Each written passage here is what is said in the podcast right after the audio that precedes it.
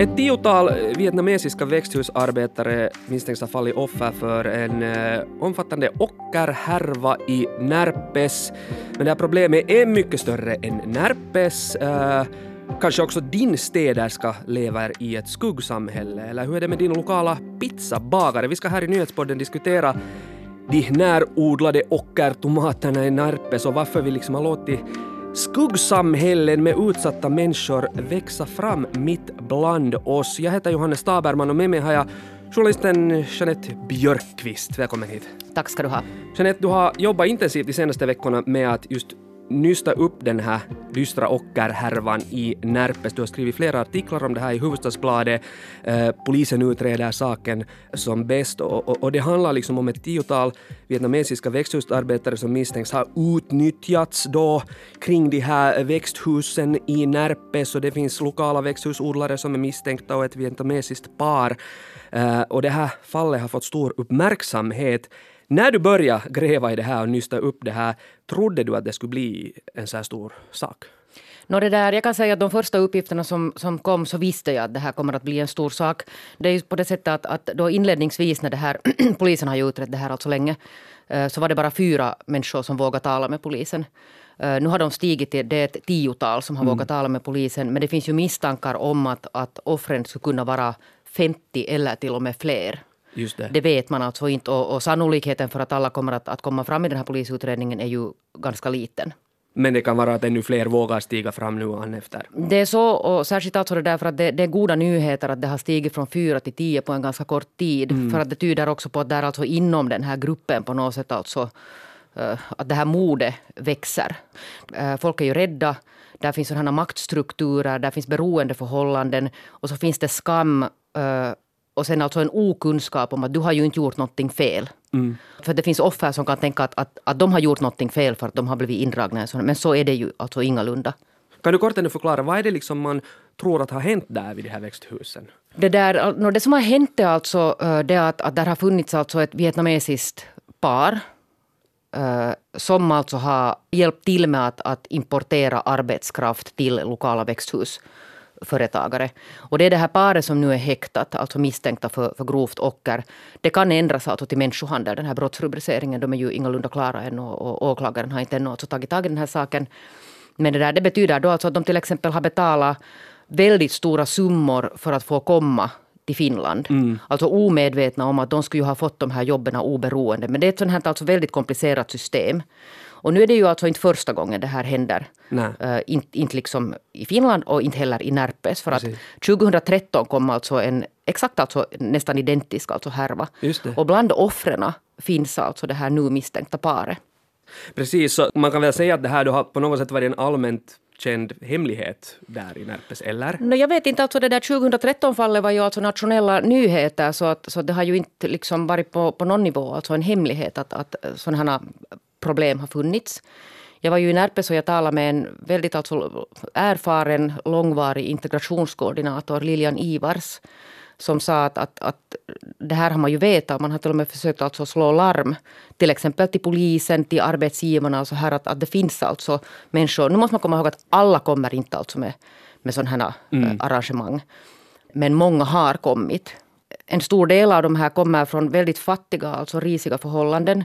Eh, är inte alltså utbildade och kan alltså rimligtvis inte antas förstå sig på vad det är för land man landar i. Mm. Alltså att här finns regler och de har rättigheter och, och, det finns liksom system man ska följa. Och det kan de ju inte veta men de står ju skuld till de här, till exempel det här paret. Mm. Det, det, är stora pengar, alltså det är enorma summor alltså ur, ur deras lokala synvinkel.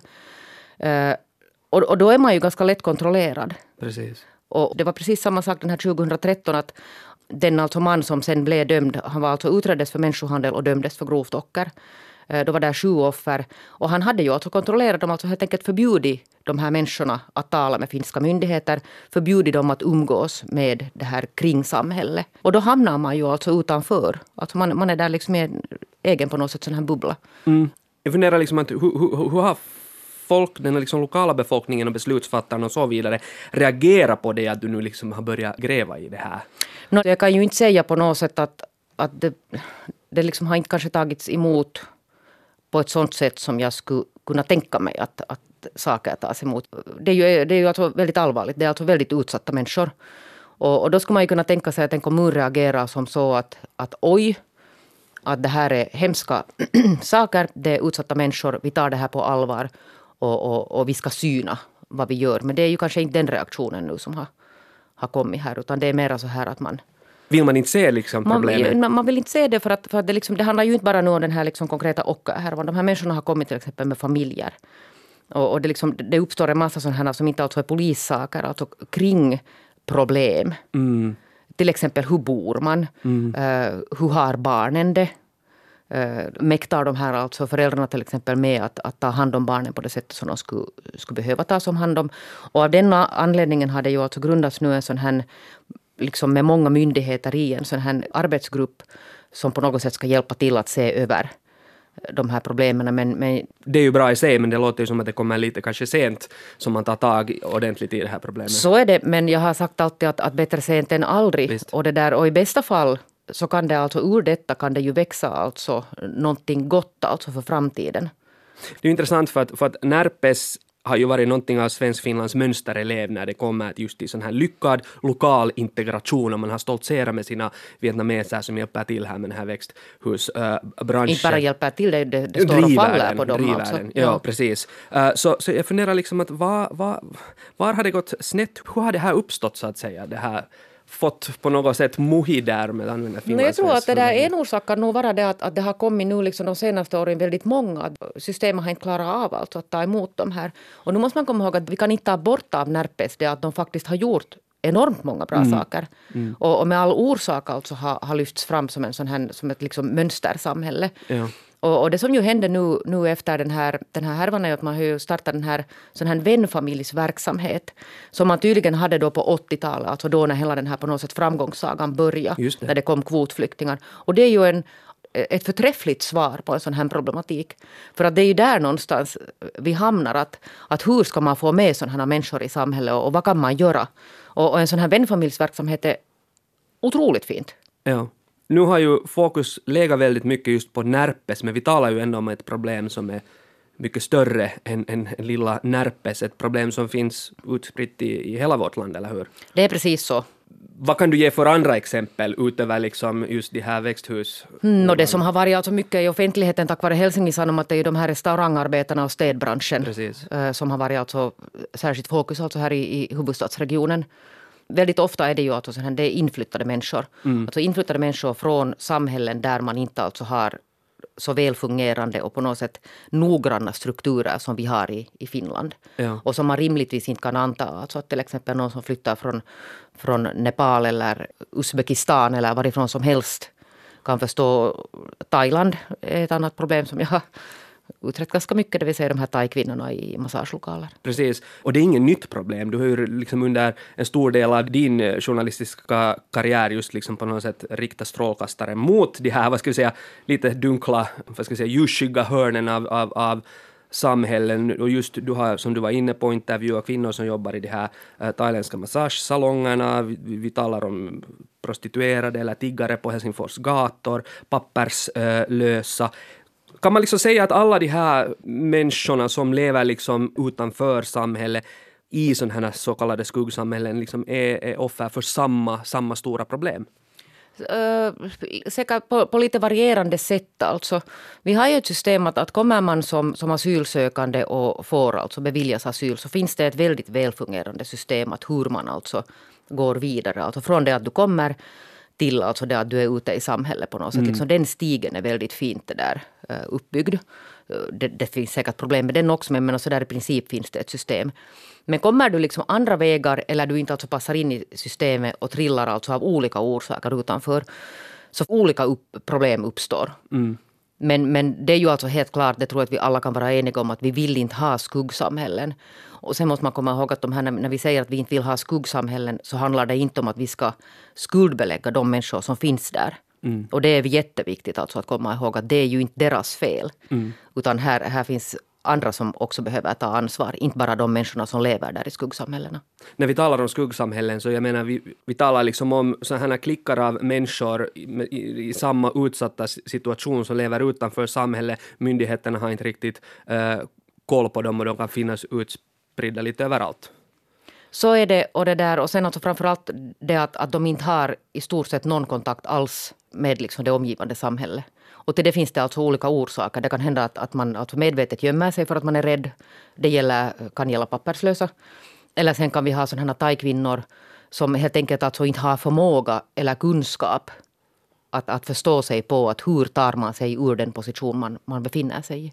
Så i grunden handlar det ju hemskt mycket om, om liksom problem med integrationen? Alltså det är helt precis exakt så. Mm. Jag tänker liksom att på vems ansvar ligger det liksom att ta tag i det här problemet som då växer ur sådana här sociala och strukturella No, av tradition problem. så är det så att alla problem som uppstår någonstans så skriker man efter polisen. Mm. Det vill säga att man på något sätt tänker sig att, att när polisen kommer sen om inte det här fungerar. Ja. Men det är ju ingalunda så. Alltså polisen kan inte ta hand om alla problem. Alltså många av de här sakerna skulle inte existera och skulle aldrig alltså komma till polisen om det övriga samhället på något sätt skulle ha tagit sitt ansvar innan det. Och de här thai-kvinnorna är ju alltså ett, ett jättebra exempel för att det är över tio år sedan man på något sätt vaknade upp till att oj, att där finns en massa eh, segregerade thai-kvinnor varav en del alltså tvingas sälja eh, sexuella tjänster. Mm. Och, och, då blev det ett ramaskri och det grundades arbetsgrupper och det skrevs rapporter och det gjordes åtgärdsförslag och liksom enorma, alltså det var stort alltså då på den tiden. Och sen bara föll det här i glömska för att för att jag var med där, min kollega Niklas Meltio 2018 och gjorde ett MOT-program. Och det visade sig att, att det här, det här om, åtgärds, de här thai, om de här thai-kvinnorna. Ja. Och det här åtgärdsprogrammet, så det hade begravts för länge sedan alltså i nationalarkivet. Mm. Och de här kvinnorna var kvar där. Mm. Att vi måste sluta nu med, med sån här, vi vet att det här finns. Att, att nu behövs det alltså konkreta åtgärder. Och, och nu, nu måste vi komma ihåg att det finns människor som jobbar med det här. Mm. Men, men det kanske behöver jobbas mer och på ett annat sätt också. Ja, och jag tänker kanske det behöver också jobbas liksom på ännu bredare front. Det är klart att, att beslutsfattarna och myndigheterna bär sitt ansvar, men jag tänker att borde vi inte någonstans egentligen alla ställa oss framför spegeln och, och, och, och fråga oss till exempel att, att eh, vem är det som städar mitt hem? Vem är det som bygger min terrass? Vem bakar min pizza? Och, och, och under vilka förhållanden? Ja, och särskilt alltså om, om tjänster är hemskt billiga så ja. ska man fundera ett varv till. Men gör vi det här tillräckligt? Jag tror inte att vi gör det för att det, det är liksom hemskt lätt sådär att, att man tänker sådär att, man, att, att de är nu där i sina och tänker på något sätt, jag menar, det är ju ändå bättre än vad de har det hemma. Och det är liksom fel sätt att tänka. Att man tänker på något sätt menar, att, att de kommer nu därifrån, att, att vissa premisser alltså duger för dem. Och ja. så är det ju inte. För jag tänker just liksom att när man talar om skuggsamhällen, papperslöshet, marginalisering, allt det här ocker, äh, trafficking, så, så är det säkert många som på något sätt lite rycker på axlarna och tänker att vad, vad, det där är inte mitt problem, det berör inte mig. Men, men ändå så, så smyger liksom den här avigsidan av, av vårt samhälle närmare oss kanske än vad vi tänker, just i och med att vi kommer i kontakt kontakt med dem via de liksom olika tjänster, ofta billiga tjänster som, som, som de liksom erbjuder oss och som vi är villiga att, att, att, så att säga köpa. Men jag tänker liksom att okej, okay, man borde ha större medvetenhet. Men, men om jag nu än tar den här liksom städerskan, om jag då frågar den här städerskan att, men att, hur är det riktigt med dig? Att, vad får du betalt och hur jobbar du och hur har du kommit hit? Tror du att de vågar svara? No, kanske inte om du det där plötsligt liksom smäller den här frågan men, men kanske efter en tid så vågar man. Det handlar ju också om att bygga ett förtroende. Och faktum är att jag, att jag känner människor som har gjort exakt det här och frågat sin städerska. Mm. Och sen efter en tid så har det börjat liksom nystas fram saker som visar att allting inte alls är okej. Avtalen är inte okej, lönen är inte okej, uh, tillståndsaffärerna i Finland är inte okej. Men, men det är ju inte så där, det är lite som att tala med en tonåring, att du får inte kanske svaret första gången du, du ställer Nej. frågan.